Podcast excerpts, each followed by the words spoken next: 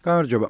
ეხლა რასაც უსმენთ არის მესამე სერია სამსერიანი ამბისა, რომელიც შეეხება 1968 წლის მაისის პარიზის მოვლენებს. თუ პირველი და მეორე არა გაქვთ მოსმენელი, ცოტა გაგიჭirdებათ, გაგება რა ხდება და ალბათ არ გაგისწორდებათ, მაგრამ რა ვიცი, თქვენი საქმეა, თქვენ ისეთ არავის შუას არ ვასწავლი, საიდანაც კიდე იქიდან დაიწყეთ მოსმენა, მაგრამ მე მე ჩემსას გეუბნებით რა, ეს არის მესამე ნაწილი.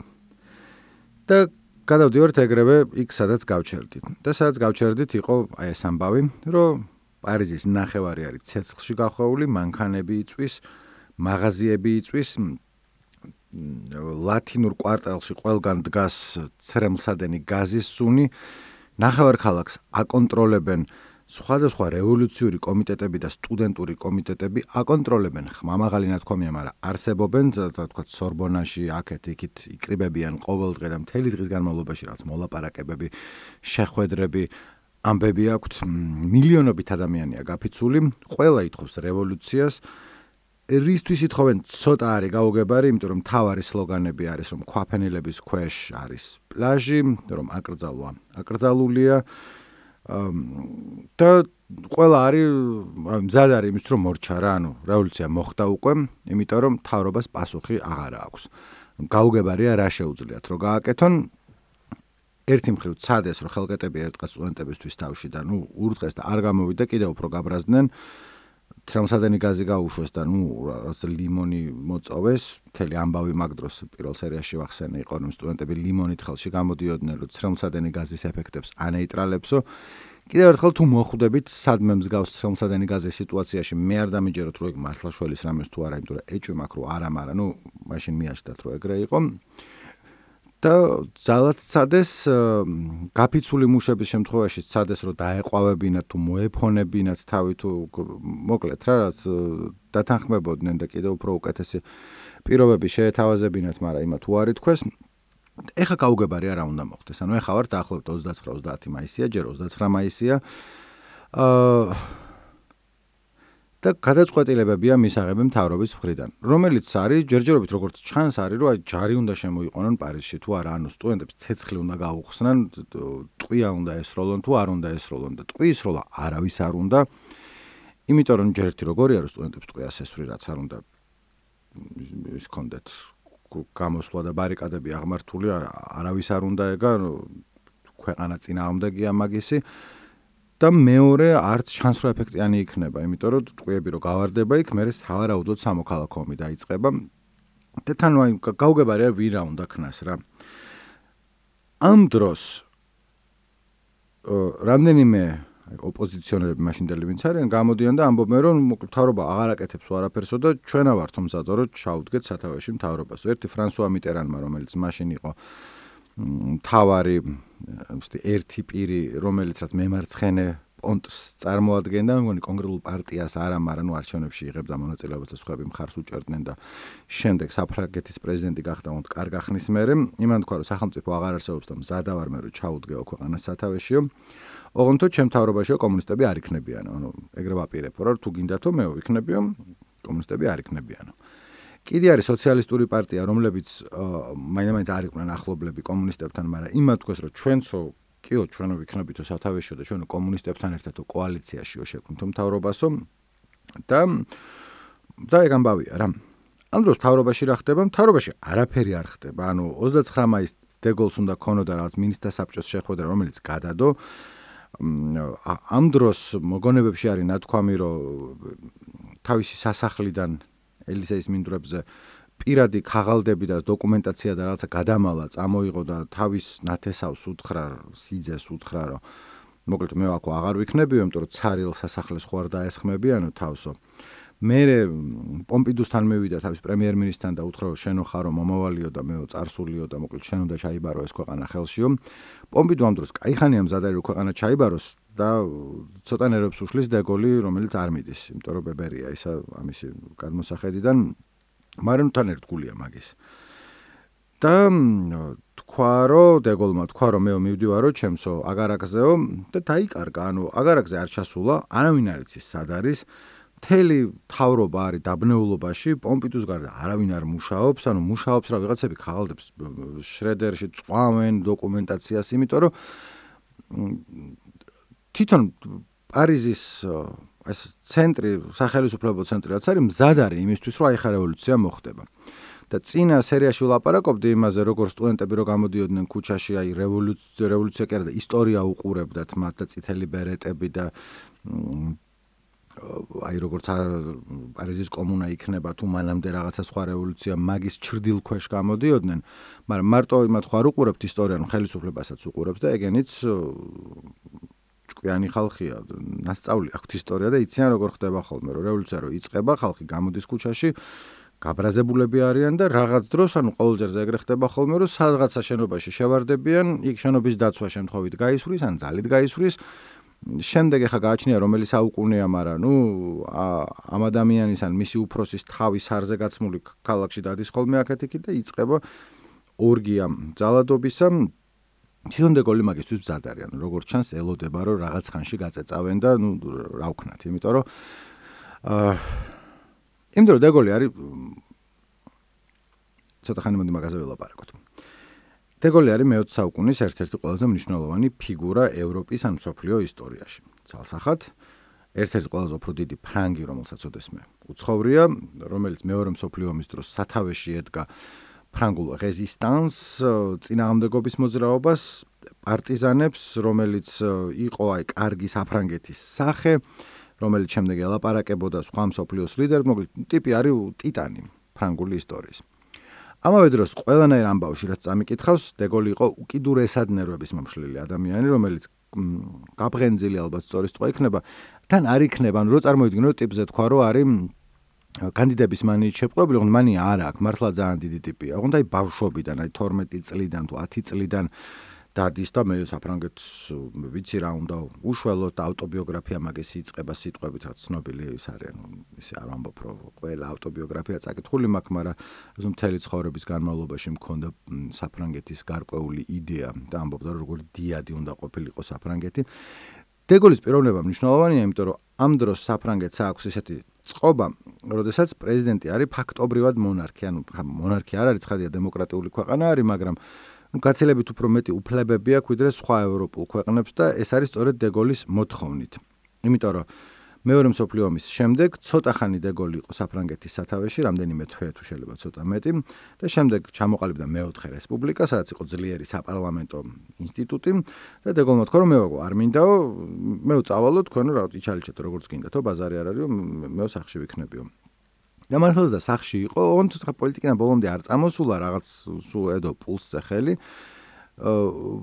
და მეოთხე რესპუბლიკა მოკვდა ალჟირის კრიზისის დროს. ალჟირის კრიზისი იყო ეგეთი ამბავი, რომელსაც ხა დეტალებში ვერ შევამდე, რომ უკიდურესად მრავალკუთხოვანი, რთული და ჩახლართული ამბავი იყო. საფრანგეთს ხო ჰქონდა კოლონიები. მათ შორის იყო ალჟირი, თუმცა ალჟირი კოლონია არ იყო, საფრანგეთის ნაწილი იყო. და ალჟირმა დამოუკიდებლობისთვის ბრძოლა რო დაიწყო, საფრანგეთმა დაიწყო ამათ წინააღმდეგ ბრძოლა. ოღონდ აი განსხვავებით სხვა კოლონიალური ომებისა, ეს იყო აი ბევრი სხვადასხვა კუთხე იყო იქ, არა? იყო ალჟირელები, რომლებიც დამოუკიდებლობისთვის იბრძოდნენ, ალჟირელები, რომლებიც საფრანგეთის მხარეს იბრძოდნენ, იმიტომ რომ გაფრანგებულები იყვნენ, თუ რაღაც არ არ უნდათ დამოუკიდებლობა, იქ იყო მთელი აი რელიგიური და ეთნიკური შიდა ამბები, და აი დიდი ხნის განმავლობაში იყო სისხლიანი ომი, რომელსაც შეეწირა კაციშულ მარცის რამდენი ადამიანი 300.000-დან მილიონამდე. ძალიან სისხლიანი ომი იყო და რომელმაც ლამის საფრანგეთში დაიწყო სამოქალაქო ომი, იმიტომ რომ სამხედროებმა დაიწყეს ხელისუფლების ხელში აღება. მოკლედ რესპუბლიკა ჩამოიშალა და ბოლოს დეგოლმა თქვა რომ თუ დამიძახებთო მეო მოვალო და დავალაგებ ვითარებასო, დაუძახეს. ამან თქვა რომ მოვალო, თუმცა იმ პრინციპით თუ ახალ კონსტიტუციას მივიღებთო, ანუ ეგ იყო მეოთხე რესპუბლიკის გაუქმება თუ დასამარება თუ რაც ქვია და მეხუთე რესპუბლიკა ჩამოყალიბდა, რომელიც იყო განსხვავებით ძლიერი საპარლამენტო სისტემისგან, იყო ძლიერი საპრეზიდენტო სისტემა. ანუ ამიტომ არის დეგოლი მნიშვნელოვანი, რომ პრეზიდენტი ძალიან ბევრ რაღაცას წყვეტს, სხვანაირად გადაწყვეტილებების მიღების უნარი აქვს და ამ დროს 68 წლის მაისის ბოლოს პრეზიდენტი არის გამქრალი. და დანარჩენი სასტავი არიან განან აქეთ-იქით და ერთმანეთს უყურებენ, რომ რა ვქნათო, ერთი ministri ხაღალდებს წვავს მეორე ministrs პრემიერ-მინისტრ პომპიდუს იარაღს აწვდიან რომ თუ რაღაცაო დაგჭირდებაო თავი რომ მოიკლაო ეს რევოლუციონერები შემოვარდნებო რევოლუციონერები რომ შემოვარდებიანო ღმერთო ჩემო რანაირად აბა ბურდე ქართული ენა. და ხო მოკლედ. დეგოლი რო გაქრა, თქვა რომ მივდივარო ჩემსო აგარაკზეო, არ ჩასულა აგარაკზე და დანარჩენი საფრანგეთი ელოდება რა მოხდება. და 6 საათის მერე პომპიდუმ გაარკვია რომ ეს ტიპი არ არის აგარაკზე, პრეზიდენტი არამედ არის ბადენ-ბადენში, გერმანიაში, სადაც იმ დროს ჯერ კიდევ დგას ფრანგული ჯარი. მეორე მსოფლიო ომის მერე განაწილებული ამ. და ფრანგული ჯარის უფროსი არის გენერალი მაზუ, მასუ, რომელიც მასთან ერთად იბრძოდა პარტიზანულად და შემდეგ წინააღმდეგობის მოძრაობაში მეორე მსოფლიო ომის დროს ერთმანეთთან აქვს რთული ურთიერთობა, იმიტომ რომ ალჟირის ამბავი რო ვახსენე, ალჟირის საკითხი ბოლოს გადაიჭრა იმით, რომ დეგოლმა დამოუკიდებლობა მოკლედ გაუშვა ალჟირი და ამით ძალიან ბევრი ფრანგი იყო უკმაყოფილო და ხალხი დაძდებოდა მოსაკლავად დეგოლს кайხნის განმავლობაში. Day of the Jackal თუ წაგიკითხავთ, ან გინახავთ მაღაზია. და მოკლედ მასო იყო იმისკენ, რომ ალჟირი არ უნდა გაეშვათ, მაგრამ მაინც იყო ესეთი ნამდვილი ფრანგი პატრიოტი გენერალი დეგოლი ჩავიდა იმასთან და ეუბნება როგორც დაძრეული გვაქვს. არ ვიცი თუ რა გავაკეთოთო რა ვქნაო ახლა? აი რა გავაკეთო? ხელები მაქვს ყურები მაქვს ჩამოყრილიო ნახვამდული აი არ ვიცი რა ვქნა და მას უნდა ცოტა გამოაფხიზლა. უთხრა რომ თუ რამეაო იცოდეო რომ ჯარის ხარდაჭერა გაქო აქედანო და ზუსტად დეტალები საუბრის არ ვიცით, იმიტომ რომ მას ამაზე არ ლაპარაკობდა, 1982 წელს გაირკვა რა მოხდა? იქ, ანუ მანამდე იგულისხმებოდა რომ დეგოლმა ჩაატარა ეგრეთი ხრიუკი, ხრიუკი არის ტრიუკის და ხრიკის ნაზავი, რომელიც ამ წუთას მოვიფიქრე, მაგრამ ერთგვარი პატარა ტრიუკი ჩაატარა რომ ხალხს აჩვენა რომ აი დეგოლი რო არ იყოს, რაც უდი იქნებაო და მართლაც ეგეთი ეფექტი ქონდა, მაგრამ ნუ სიამდვილეში ის იყო რა აღარ იცოდა რა ექნა და იმ გენერალმა გამოაფხიზლა ცოტა და უთხრა წადიო შენ უკან შენ საფრანგეთშიო და მიხედავ შენ საქმესო და ჩვენო აქო ჯარი შენს უკან დგავართო. ეს გამოცოცხლდა რაღაცა თავი აწია წამოვიდა უკან მართალია ჯერ კიდე გონია რომ შეიძლება რომ ცოტა ხანში რევოლუციონერებმა სარზე ააცვან, იმიტომ რომ ოჯახის ძირფასეულობა ცოლს დაუტოვა და იმანი გერმანიაში დატოვა შესანახად, მაგრამ აშკარად სხვა ხოდზე ჩამოვიდა რა. უკვე თავაწეული, რომ რაღაცა იცის რა მიიღოს გადაწყვეტილება. იმიტომ რომ ამ დროს აი ორივე მხარე რევოლუციონერების და ხელისუფლებას ერთმანეთს აი ვერ ხვდებიან ვის რა უნდა. ამ დეგოლს არიცი სტუდენტებს რა უნდა, საერთოდ ვერ ხვდება რა სასტავია, რა უნდა რა გაუკეთოს, თავში ჩაარტყას, მოეფეროს. ამ სტუდენტებს თვითონ მაინდა-მაინც არიციან რა უნდათ და ამიტომ ცოტა გაუგებარია რომ რანაირად შეიძლება რომ ვიღაცა ან მოეფეროს ან თავში ჩაარტყას და ეშველოს, მაგრამ ამ დროს უკანა ხედვით ურემი რო გადაბრუნდება ჩანს რომ რამდენიმე მოვლენა კი არა და მოძრაობა ხდება. მოკლედ ტალღა შემოbrunდა სწორი ქართულია ვითარება შეიცვალა და ვითარება შეცვალა რამდენიმე რამე. თავდაპირველად როცა სტუდენტები გამოვიდნენ ქუჩაში უმეტესობა პარიზშიც და საფრანგეთშიც იყო მაგათკენ. იმიტომ რომ როცა როგორც პირველ სერიაში ვილაპარაკეთ მიზეზები ქონდათ რა სტუდენტებს რო ქუჩაში გამოდიოდნენ ცოტა ძირმომპალი სოციალური ურთიერთობები იყო, ცოტა ყელში იყო ამოსული, სხვა ქვეყნები უფრო თავისუფლად ცხოვრობდნენ და პარიზი და საფრანგეთი ნაკლებად ნელ-ნელა განწყობა შეიცვალა. და ეგ რამდენიმე ასპექტია, რომელიც სხვადასხვა სტატიებიდან ზოგი სამეცნიერო, ზოგი ესეთი გამოვყავე. ერთი არის ის, რომ აი დანარჩენ ფრანგებს ცოტა ნერვები მოეშალათ, როცა უყურებდნენ ამ ტიპებს ტელევიზორში. იმიტომ რომ ერთია, რომ იცი რომ ახალგაზრდები არიან, ცვლილება უნდათ და მეორე აი კონკრეტულ ცოტა ნერვების მომხრელ ხალხს რო უყურებ, რომლებიც პრეს კონფერენციებზე თითს იქნევენ და ჩვენ არ გავჩერდებით და რაღაცა და ხო იცი თავისიანებს მოწონთ ეგა. მაგრამ სხვაები ვინც ამას ტელევიზორში უყურებენ ფიქრობენ რომ ამათ უნდა გადავატრიალებინოთ ქვეყანა თლათ ამათ არიციან რა უნდა და ცოტა არ იყოს არ არის ასე ამონო ხალხი. მეორე მომენტი იყო ის რომ მიუხედავად რომ სტუდენტებს რევოლუცია უნდათ და გამოვიდნენ გამოდიოდნენ ქუჩაში და ქვებს ისროდნენ და რაღაცა არავინ არ იყო მაინდა-მაინც ვისაც სადავეების ხელში აღება უნდა და ანუ არავის არ უნდა და თავისთვის ეს რევოლუცია. სტუდენტებს არ უნდა და ისინი გამოვიდნენ რომ აკრძალვა აკრძალულია ქვები ვისროლოთ მოწყენილობა კონტრრევოლუციონერ კონტრრევოლუციონურია და თანაშენი პარტიები ვინც იყვნენ პარტიებს არ უნდა და ხელისუფლების ესე ძალადობრივად ხელში აღება არც სოციალისტებს არ უნდათ, რომლებიც არჩევნების გზით აპირებდნენ რომ მოსულიყვნენ, ფრანსუა მიტერანის რაღაც ეს კლასიკური ჩვეულებრივი ფრანგი პოლიტიკოსი იყო. და ის სასტავი ვიზაც იფიქრებდი რომ აი ესენი აიღებდნენ კომუნისტები იმათ ვაფშე არ უნდათ, იმიტომ რომ კომუნისტებს და ამ სტუდენტებს ჰქონდათ დაძაბული ურთიერთობა, სტუდენტების დიდი ნაწილი რაღაცნაირი კომუნისტები იყვნენ, არა საბჭოთა კავშირის მოტრფიალე კომუნისტები, მაგათ ევასებოდათ როგორც ვთქვი, ტროცკი, მაო, რევოლუცია მოწონდათ და არა საბჭოთა კავშირი. და თან თვითონ პიროვნულად ცუდი ურთიერთობა ჰქონდათ კომუნისტების ლიდერებთან. როგორც ჩანს, ასევე კომუნისტებს ჰქონდათ დავალება მოსკოვიდან, რომ მან არ ჩაერიოთო. და ხან შეუათათ არის ხოლმე რომ მანდრო შეხედა რომ აი მოსკოვში სწორი გადაწყვეტილება მიიღეს, იმიტომ რომ იმ წუთას ისე ჩანდა, როგორც დავიწყე რომ აი რევოლუციას ჰადაჰა მოხდება, მაგრამ არ იყო ეს მაგათი გასამარჯვებელი რა. მაგ დროს უკვე ცხადი იყო და მე მგონი კრემლიდან უკეთესად ხედავდნენ ვიდრე პარიზიდან ის თუ სორბონიდან ის ბავშვები ვინც იქ იყვნენ იმიტომ რომ ანუ ხალხის დამოკიდებულება შეიცვალა მეთქი აი რა გამახსენდა არ ვიცი რამდენად რელევანტური ამ ყველაფერთან. ბასიანის აქციები რო იყო თუ რეივ რევოლუცია ჩვენთან თუ რაც ქვია რატო მარტო ბასიანი სხვა კლუბებშიც შევიდნენ მაგრამ სამდღიანი, ოთხდღიანი აქციები, თუ არ გახსოვთ, იყო რომ ერთდროული რეიდი მოეწყო თბილისის რამდენიმე კლუბში, რომლის დროსაც თითქოს ნარკო რეალიზატორები უნდა დაეკავებინათ, შემდეგ აღმოჩნდა რომ არ იყვნენ ნარკო რეალიზატორები და რამდენიმე დღის განმავლობაში საპროტესტო აქცია ტარდებოდა პარლამენტის წინ, რეივ აქცია, მუსიკას უკრავდნენ, ხალხიც ეკავდნენ და მაგის გასაშუქებლად დავდიოდი ყოველდღე. და გასაშუქებლად რომ დავდიოდი, ფეხით მივდიოდი და გარშემო თან სხვა ხალხის ლაპარაკსაც ვისმენდი, ანუ იქ ვინც იდგა, ეხა აქციებში ვინც იღებდა მონაწილეობას, ბევრი ახლო მეგობარია ჩემი, ბევრი პროსტა მეგობარია, ბევრს ვიცნობ.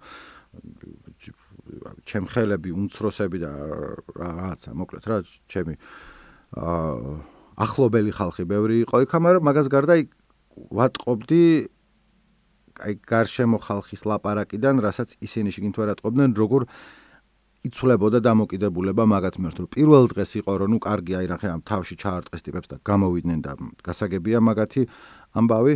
და მეორე მესამე დღეს აი გარშემო თქვა მარკეტის გამყიდველი ვიღაცა გაჩერებაზე ვინც დგას ტიპი გაიარა ისინი იყვნენ რომ ამათ ტვინი წაიღეს.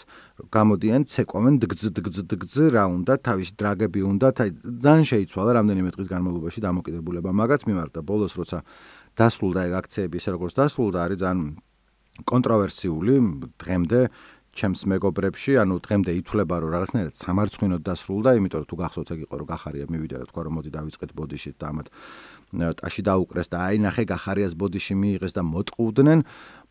ჩემი პირადი დამოკიდებულება მაშინ იყო, რომ ის აქცია რო დაიშალა სწორი იყო, არა იმიტომ რომ როგორც ამბობდნენ, რომ გახარია ბჭალებში ემუქრებოდა იმ აქციას, რომ მე თქვენ კენავარო და იქო გვერდზე კონტრაქციაო და მომიწევსო ალტიმფოელები რო ქვიათ. დღეს მაგათი დარბევაო და გინდათო მაგათი სისხლი თქვენ ხელებზეო და ესენი დაიშალდნენ, რაც ცხადია რომ ტყუილი იყო ალბათ, მაგრამ ასევე ცხადია რომ კარგი საბაბი იყო დასაშლელად, იმიტომ რომ იმ აქციას აღარ ქონდა დრაივი საერთოდ და რატო გადაუხვე ამ ყველაფერზე, მაგრამ აზრი იყო რა რომ თავიდან სიმპათიით განწყობილი ფრანგები ნელ-ნელა სერიოზულად ანტიპათიით განეწყვნენ ამ სტუდენტების მიმართ. იმიტომ რომ ერთი არიწოდნენ ამათ რა უნდათ, და ამათ თვითონაც არიწოდნენ რა უნდათ.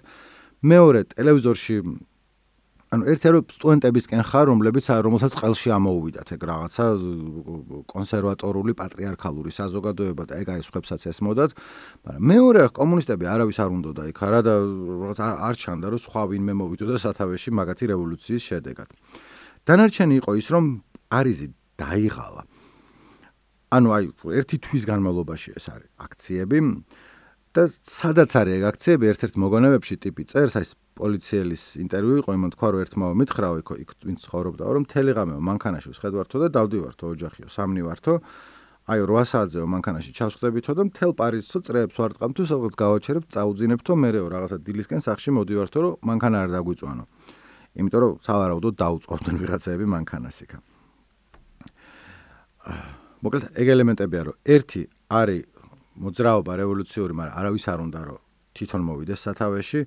მეორე რომ ნელ-ნელა ყველა დაიღალა ამით და უნდათ რომ მორჩეს, მაგრამ ჯერ არ აღიარებენ მაგას. მესამე რომ მიუხედავად იმისა, რომ ძალიან სერიოზული მიზეზები იყო, რის გამოც სტუდენტები იყვნენ იქ გამოსულნი, კონკრეტული მოთხოვნები არ ქონიათ და ცოტა იყო, ცოტა ისე ჟღერს, ანუ შეიძლება შეურაცხყოფილად ჟღერდეს იმ სტუდენტების მიმართ, მაგრამ ცოტა მოწყენილობის განაკეთებდნენ მაგას და არც მაინდა მაინც ჩაურაცხყოფილი არ არის, იმიტომ რომ თავისივე გრაფიტიზე და მოთხოვნებზე ხშირად იყო ნათქვამი, რომ აი შიმშილი მომკლავს თუ მოწყენილობა რა მნიშვნელობა აქვს. ანუ ცოტა ის იყო, რომ გართობილიყვნენ და კარგად გაერთნენ ამ ყველაფერთ, მაგრამ რამდენი ხანი უნდა მედიოდეს ეს პარტი, ხო? თან აი რო თქვი რომ რა უნდათ მეთქი აი დეგოლის გადადგომა, დეგოლს პირადად არ ერჩოდნენ იქ. ანუ კი, ნახვამდის აჯიუ დეგოლ ესე იძახდნენ რომ გამოდიოდნენ, მაგრამ პირადად ის არ იყო რომ ეს დიქტატორი იყო, სისხლიანი და მაგის წინააღმდეგ გამოდიოდნენ. უფრო დეგოლი იყო სისტემის სახე. კლიენტ სისტემა უნდა შესრულიყო, როგორ რანაირად ვის შეეცვალა, ეგ აი აი ეგ ამბავი იყო რა. და პლუს ამას აი ნახე მიუხედავად იმისა, რომ ამ ერთ თვის განმავლობაში იყო ლაპარაკი თუ როგორ სისხლიანი ფაშისტები მაგათ ებრძოდნენ, ანუ ეს სპეცრაზმი და პოლიცია და ყველა მოგონებებში და დღიურებში რაც წამიკითხავს, რამდენიმე წამიკითხავს, ხო კვლევა კი არა მაქვს ჩატარებული, მაგრამ რამდენიმე წავიკითხე და ყველგან იმ წუთა სტუდენტები რო აი ნახე როგორ ისი სასტიკით გაგვისწორდნენ, როგორ რაღაცა გვიქნეს, როგორ და ნამდვილად ეგრე აღიქმებოდა იმ წუთას და მართლაც და ძალიან ცუდად ურტყამდნენ პოლიციელები, მაგრამ მოდი ასე ვთქვათ, არავინ არ მოუკლავთ იქ როგორც ჩანს. ანუ ოფიციალურად პოლიციის ხელით მკვდარი იქ არ არის არავინ. და არაოფიციალურადაც მაინდა-მაინც ვერ ნახე რომ აი ვიღაცა აპროტესტებდეს შეიძლება მეშლება მაგრამ წინა სერიაში ვთქვი რომ ოფიციალური სტატისტიკა რომ ორი ადამიანია გარდაცვლილი, ორივე აი რაღაც შეხლა შემოხლის დროს და ორივე სავარაუდოდ აქციის მონაწილეების მხრიდან შეიძლება რაღაცა სხვა მასალა იყოს, სადაც არის ნათქვამი რომ მიიჩქმალა მკვდრების რაოდენობა, მაგრამ ნუ ბევრიც არა, რა ნუ სავარაუდოდ არავინ არ მოუკლოს პოლიციას. ანუ ხო, სისხლიანი იყო, თავში ურტყამდნენ ასობით თუ არა ათასობით დაშავებული და დაკავებული იყო, მაგრამ ყველა ცოცხალი იყო. მოდი შევადაროთ ეს რამდენიმე წლის წინ მომხდარ მოვლენებს, რომელიც იყო 6 წლის წინ, აი ალჟირის ამბები რო ვთქვი. და ძალიან დეტალურად არ ჩავდივარ, იმიტომ რომ მან რთული გასაგები არ ახდებოდა და როგორ, მაგრამ 6 წლით ადრე ვიდრე პარიზი ცეცხლი მოეკიდებოდა, ალჟირელების აქცია იყო პარიზში, რომელიც დასრულდა ხოცვა-ჟლეტით. ხოცვა-ჟლეტით იმით, რომ ანუ არავინ არ იცის რამდენი ადამიანი მოკვდა ერთ დღეს. ოფიციალური ვერსიით 40, არაოფიციალურით 100-ით. და აი დღევანდელი გადმოსახედიდან უკვე ჯერ კიდევ რაღაცა ეგ მასალები გასაიდუმლოებულია, მაგრამ დაზენზო ესე ამბობენ, ანუ ათობითო ეგრე ამბობს ან ოფიციალური პარიზი. სავარაუდოდ რაღაც 200 კაცი შეიძლება იყოს აი ესეთი ჩვეულებრივი შეფასებით გონიურულით. ანუ ტიპები გამოდიოდნენ ქუჩაში მშვიდობიანი დემონსტრაციით და პოლიციამ ურტყა ტიპებს და ნაცემებს ყრიდნენ სენაში, დინარეში. და ბევრი ადამიანია ეგრე მკვდარი და თითქმის არ ლაპარაკობენ ხოლმე პარიზში ამაზე, როგორც რა წავიკითხე, პარიზში არ ვარ ნამყოფი და ჩემთვის არავის არ უთქვამს ეგენი, მაგრამ ნუ ეგრე წერენ ხოლმე. ვთქვათ, კაშე თუ გინახავთ ჰანეკეს ფილმი, მანდარი ნახსენები ეს მოვლენები. და რახან მან დავართ ტიპი, რომელმაც მოაწყო ეს ხოცვაჟლე და პოლიციის უფროსი მოღი პაპონ.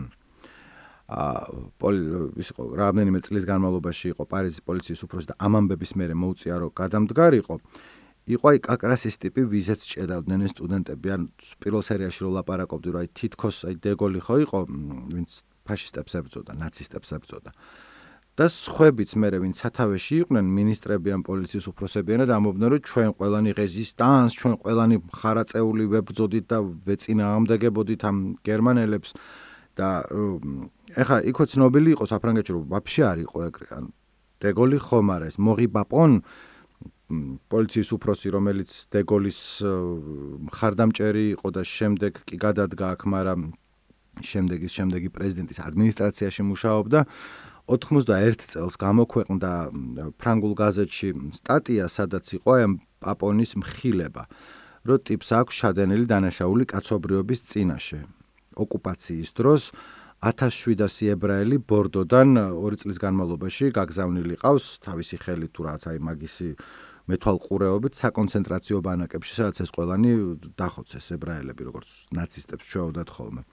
და დაიჭირეს მაგის გამო სასამართლო მიუსაჯა უკვე ბებერი იყო ძალიან ციხე იმისთვის რომ ტიპს აქვს ჩადენილი დანაშაული კაცობრიობის წინაშე. ანუ ეს არის რა სტუდენტები რომ გამოდიოდნენ კი არა ატრაკებდნენ მართლა ძალიან ბევრი ფარისეულობა იყო იქ ხელისუფლების მხრიდან რომ ვიღაც ტიპები რომლებიც კოლაბორაციონისტები იყვნენ მე ესე იბღინძებოდნენ რომ ყოველთვის დისიდენტები ვიყავით და ყოველთვის ვიბრძოდით და საერთოდ არ იყო ეგრე. იგივე აა მიტერანთან დაკავშირებით იყო შეკითხვები რომელიც ამ მოკლედ რა ეგ ამბები იყო. აა ესე იგი, რომ პატარა შევაჯამოთ და შემდეგ ეტაპზე გადავიდეთ, თავრობა არის არეული, მაგრამ ნეულა დეგოლმა ისევ აღიდგინა რა თვითრწმენა, როცა ბადენ-ბადენში ჩავიდა და გაიგო რომ არმია მაგის მხარეს არის და ამ დროს მიდიოდა მოვლენები, რომელიც აჩვენებდა რომ ხალხი ნელ-ნელა ამ სტუდენტების წინააღმდეგ ან სტრაფ-სტრაფად სტუდენტების წინააღმდეგ აა განეწყო, იმიტომ რომ არც ეს ტიპები არ მოწონდათ მაინდა-მაინც ვინც ტელევიზორში ჩანდნენ, აღარც ცეცხლისალი და გარშემო ხა ვისაც მაღაზია ქონდა და რაღაცა ერთი სული ქონდათ რომ ოღონდ ეს დამთავრებულიყო. და აქ მინდა რომ პატარა სიმღერა გაუშვა რომ ეს რა რა პატარა შესვენებასავით გამოვიდეს და მინდოდა რომ ყოფილიყო დეგოლისკენ სიმღერა და აი შევარჩიე ეს რაღაცა მირეიმაწე სიმღერა ის მღერის პარიენკუელ არ ვიცი როგორ ქვია მოკლედ გაბრაზებული პარიზე ქვია და არის ბარიკადებზე არის ლაპარაკი, ხომ ამჯერად არის ისა მეორე მსოფლიო ომის დროინდელი ბარიკადები ნაცისტების წინააღმდეგ. და რაღაცნაირად არის შთაგონებული დეგოლის სიტყვებით, ან დეგოლმა დეგოლს აქ ცნობილი სიტყვა 44 წელში ნათქვამი პარიზში ერთ-ერთი მაგის ყველა ცნობილია. უთქვამს, რომ პარიზი არის გაბრაზებული, პარიზი არის გატეხილი, პარიზი არის წამებული, მაგრამ პარიზი არის გათავისუფლებული. მაგრამ პარიზი არის თავისუფალი თუ რაღაცა მე ინგლისურიდან თარგმნი ფრანგული არ ვიცი. Anyway ეს არის გაბრაზებული პარიზი მიღეი მაწიე რომელიც აი ცოტა იმ ხალხის განწყობას ასახავს ვინც სისტემისკენ არის. ვინც არის ხელისუფლებისკენ და ვინც ცოტა დაიღალა სტუდენტების მიერ ნასროლი ქვებით და დამწვარი მანქანებით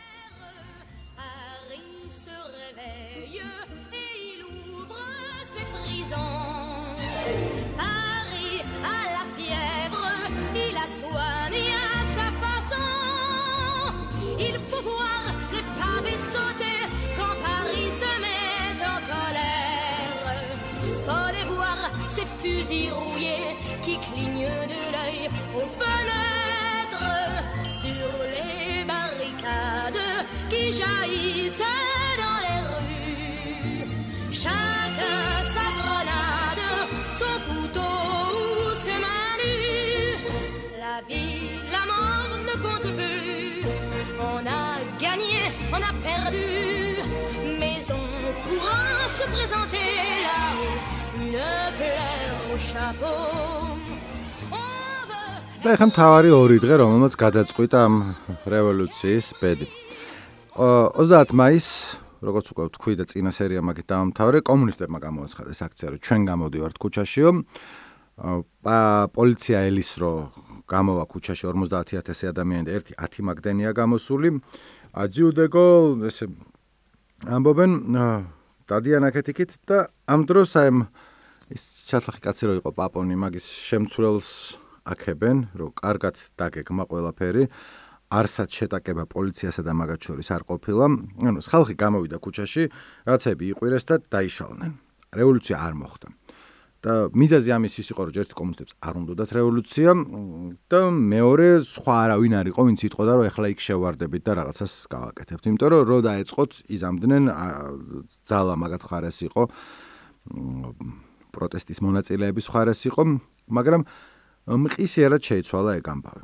იმიტომ რომ ამასობაში დეგოლი იქ ხო იყო ბადენ-ბადენში. ჩამოვიდა, დაიწყეს მოლაპარაკება და თქვენს მოლაპარაკება კი არა, ნუ აი რა უნდა გავაკეთოთ და ერთ-ერთი რაც თქვენს რომ მოდი ჩვენი აქცია ჩავატაროთ, იმიტომ რომ ბევრი მხარდამჭერი ყავს, გამოვიდნენ ქუჩაში და თავდაპირველად გეგმა იყო ესეთი რომ აი ეს დეგოლის ხარდამჭერები გამოვიდოდნენ ქუჩაში და შემდეგ საღამოს დეგოლი მიმართავდა ერს და რაღაც განცხადებას გააკეთებდა. მე შეთანხმდა რომ უკეთესი იქნება რომ შუა დღეზე გააკეთოს დეგოლმა განცხადება რომ უფრო მოხოდოს ხალხი და ეს გამოვიდნენ სხვანაირად შენთებულები და დეგოლმა მიმართა საფრანგეთს რადიოთი, რაც მნიშვნელოვანი იყო, იმიტომ რომ ეს იყო სიმბოლურად აი მეორე მსოფლიო ომის დროს რადიოთი მიმართავდა ხოლმე ხალხს და თან მას მე ხა ბევრი წელი გავიდა და დეგოლი აი მოხუცი არო ამბობდით ანუ რა ესათია რა ცოტა მოტეხილი დაღლილე ტიპს ესეთი ქონდა ბევრი ცხოვრება ბევრი ცხოვრებით იცხოვრა ბევრი რაღაცა გააკეთა და ანუ აღარ არის ახალგაზრდა და ტელევიზორში ეტყობა რომ რაღაცა მოხუცი კაცი არის და. იქ რადიოთი არ ეტყობა. და თან ყოჩაღი რეჩი თქვა სიტყვით გამოვიდა. აი 5 თუ 7 წუთი იყო. და თქვა ესეთი რაღაცა რომ მოგდო მე არსად არ გადავდგებიო. არცო თავრობას არ დავშლიო. ვაცხადებო არჩევნებსო ეროვნული ასამბლეა პარლამენტის არჩევნებს აცხადებო და იქნებაო ერთ თვეშიო და ვინც ომაგას ხელს შეუშლისო თუ მაგის ხელი შეშლა დაიწყებო მაგათო ჯარით მოკლედ უფლებას ვიტოვებო რომ საგანგებო მდგომარეობა გამოვაცხადო. იმიტომ რომ როდემდე უნდა იყოს ეგ ბაქხანალიაო ეგთი ეგ. მეორე თქვა რომ ეხა როიცოდეთ არჩევნებში რა პონტია? არჩევნებში ვარო. მეო და არიანო კომუნისტებიო ეხა თქვენი საქმისა თქვენი ცითო მაგრამ როიცოდეთ ეგ ბაზარიაო რა. ან ან მე მომცემ თუ ხმასო და ან წინა სისხლიანი 9 წლის ამბავში ის იყო კარგად ჩამოაყალიბა სათქმელი.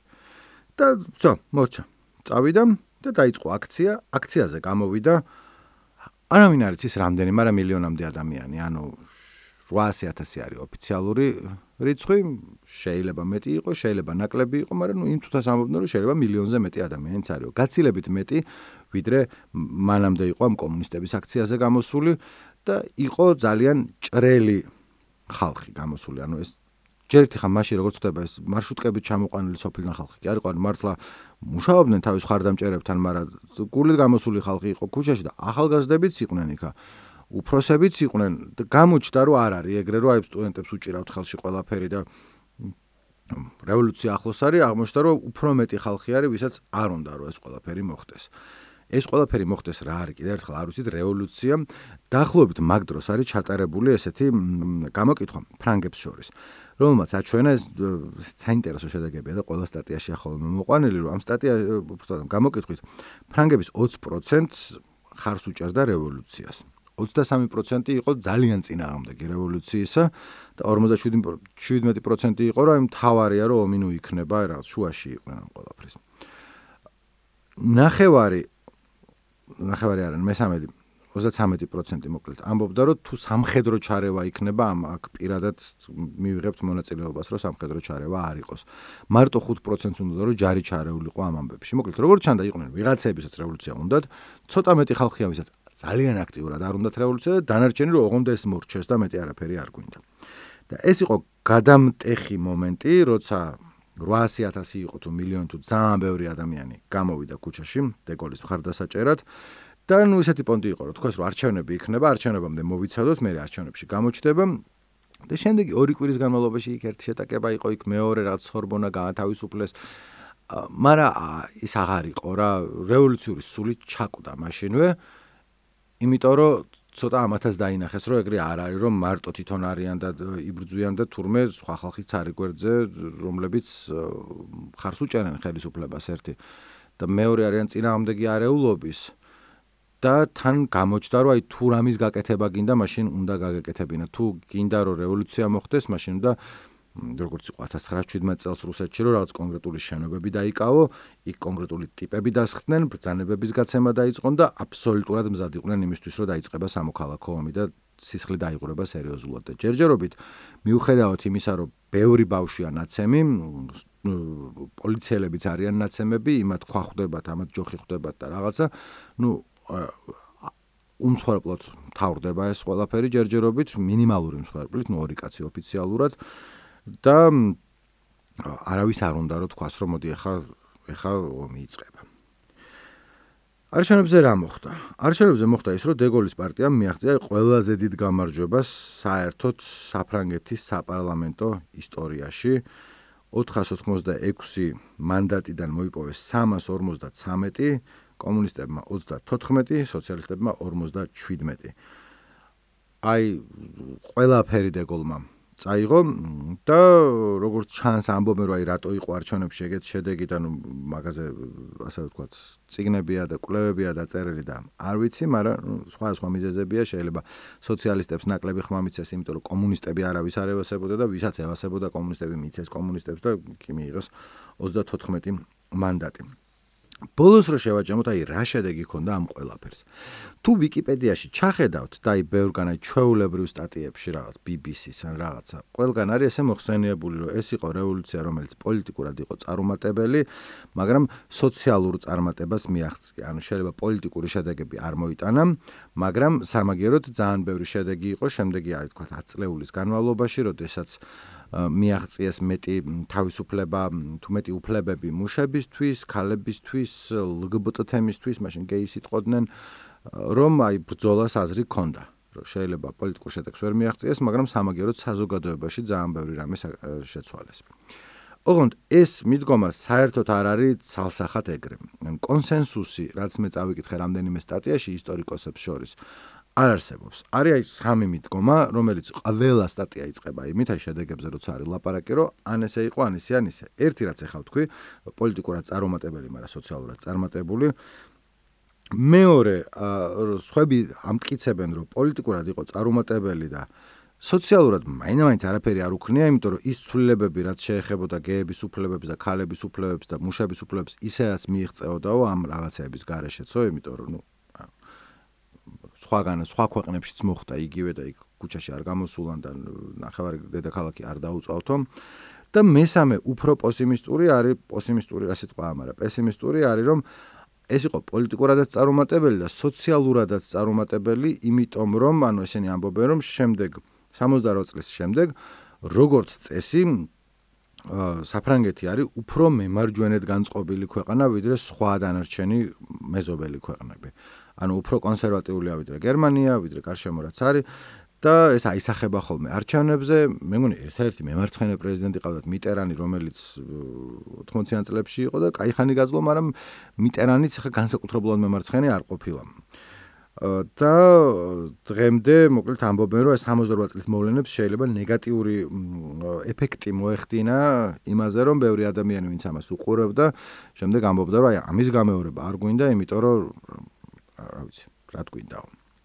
მე ამ სამიდან არც ერთს არ მივანჭებდი ოპერაციას, არ ვიცი მე, მაგრამ ნუ ისიც თავი ვალდებულად ჩავთვალე რომ მე თქვა რომ ეგრე არ არის, როგორც ვიკიპედიაში წერია რომ აი პოლიტიკურად წარმატებას ვერ მიაღწიეს, მაგრამ სამაგიეროდ სხვა რაღაცეები გააკეთეს. შეიძლება. შეიძლება არც. და მით უმეტეს რომ ამაზე მსჯელობას ძალიან ხელს უშლის ის რომ მეცნიერები თვითონ ფრანგების უმეტესობა ვინც ამ მოვლენებზე წერს არის ამ მოვლენების მონაწილე ან ერთ მხარეს ან მეორე მხარეს და ძალიან უჭირთ თვითონ როგორც წერენ ხოლმე და სხვა თქვა აი ბრიტანელების და ამერიკელებიც რომ რთულია რომ შეხედო ამას ობიექტურად, იმიტომ რომ თქვა სტუდენტი რო იყავი მაშინ ახლა ხარ პროფესორი და თუ სორბონაში სარტრის ლექციას ესწრებოდი და მე გამოდიოდი და ქვებს ისროდი შენი კუთხიდან ხედავ რომ ტყუილა ხო არ გააკეთე ეს ყველაფერი და ნახე რაღაცა მაინც ვქენით რომ იქ წავაგეთ მაგრამ ნუ სამაგერო საერთო ჯამში მოვიგეთ სხვები შეიძლება მაშინვე იყვნენ რომლებიც სტუდენტები იყვნენ და ამბობდნენ რომ არ მინდა მე კაცო სორბონაში ხვების როლა სწავლა მინდა და ესენი ვინ არიან არ ვიცი. აა იმის თქვა მინდა რომ დღემდე არის ძალიან ძალიან პრინციპული საკითხი ბევრი ადამიანისთვის. განსაკუთრებულად მემარცხენეებისთვის იმიტომ რომ საქართველოსშიც, ამერიკაშიც, ესპანეთშიც აი სუპირველი სიმღერა რო გავუშვი პირველ სერიაში იყო სამხრეთ ამერიკა, მოკლედ ბევრი ქვეყანა თავის თავზე იღებს ამ ყველაფერს და ყვებიან ამ მოვლენებს, როგორც როდესაც აი წმინდა სტუდენტური აი გულანთებული ტიპები აი რევოლუცია ცუდი რაღაცეების გარეშე. როცა ცეცხლი აინთო, თამაში დაიწყო და აი ეს ვიღაც ცუდი ტიპები მეરે აპარატჩიკები და ნომენკლატურშიკები არ მოსულან, ანუ ეს აფეთქება იყო, ჩაცხრა, წავაგეთ, მაგრამ იყო ეს ლამაზი აფეთქება. და ბევრისთვის დღემდე 68 წლის მოვლენები არის სათაყვანებელი თარიღი და ამიტომ თქვა მაგათი მხრიდან რთულია რომ ეს ობიექტურად შეხედო რომ ეს კაი გააკეთა, ცუდი გააკეთა თუ ასე შემდეგ, იმიტომ რომ შეიძლება არც კონდეს ამ რევოლუციური მოძრაობისთვის მნიშვნელობას შედეგი რა იყო. მთავარი არის რომ აი ცეცხლი აინთო და ეს ცეცხლი არის ლამაზი. და იგივე რითაც დავიწყეთ, ცეცხლი არის ლამაზი, მაგრამ ცეცხლი არის საშიში და სხვა ტიპები, ვინც ამას უყურებენ, ამბობენ რომ ეს ეს არ ვარგა.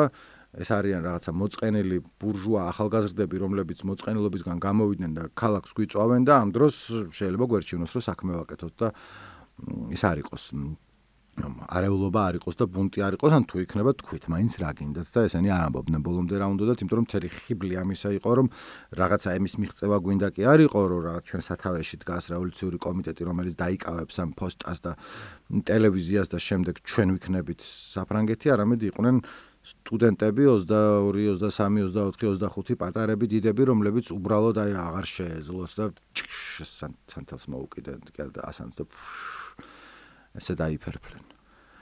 დაიფერფლენ თქვი მოდი აქ დაამთავრებ. ა პირველი სერიის ბოლოს გავშვი ლეო ფერეს სიმღერა, რომელიც ეს სწორედ ამ მოვლენებზე იყო. მოიცა მოიცა მოიცა ხმა მაღლა არ გვინდა. და მოკლედ ამ ლეოფერეს აქვს ბევრი სიმღერა რომელიც 68 წლის მაისზე არის ა ამით იმედოდა რომ დაამთავრებინა მას ქვია La violence et la nuit რომელსაც თავს ვერ ვდეფრო სწორად არის ფრანგულად მაგრამ ნიშნავს ძალადობა და მოწყენილობა რა ხდება შეგნით მოდი არ მკითხოთ არ ვიცი რა ხდება მაგრამ მიხვდებით რომ მაგაზია nous des marges nous des routes nous des bordels intelligents oh ma sœur la violence nous sommes tes enfants les pavés se retournent et poussent en dedans j'ai l'impression démocratique qui me fait des rougeurs à l'extrême côté du cœur des entrailles j'entends par là mes tripes à la mode de mai je vous commande d'être bref et couillosif j'ai le sentiment bref de ceux qui vont mourir, et je ne meurs jamais, à moins que, à moins que. Je sais des assassins qui n'ont pas de victimes, qui s'en vont faire la queue pour voir le sang d'écran, et cette pellicule objective qui pellicule sur le vif. Surtout, ne pleure pas. Les larmes, c'est le vin des couillons. Moi, je ne pleure plus, et je le dis bien haut, bien tendre aussi, et bien à l'aise. Crevez-leur le paquet qu'ils portent sur leur quille. Marx était un hippie. C'est pas comme en 17, à la consigne, dans cette Russie.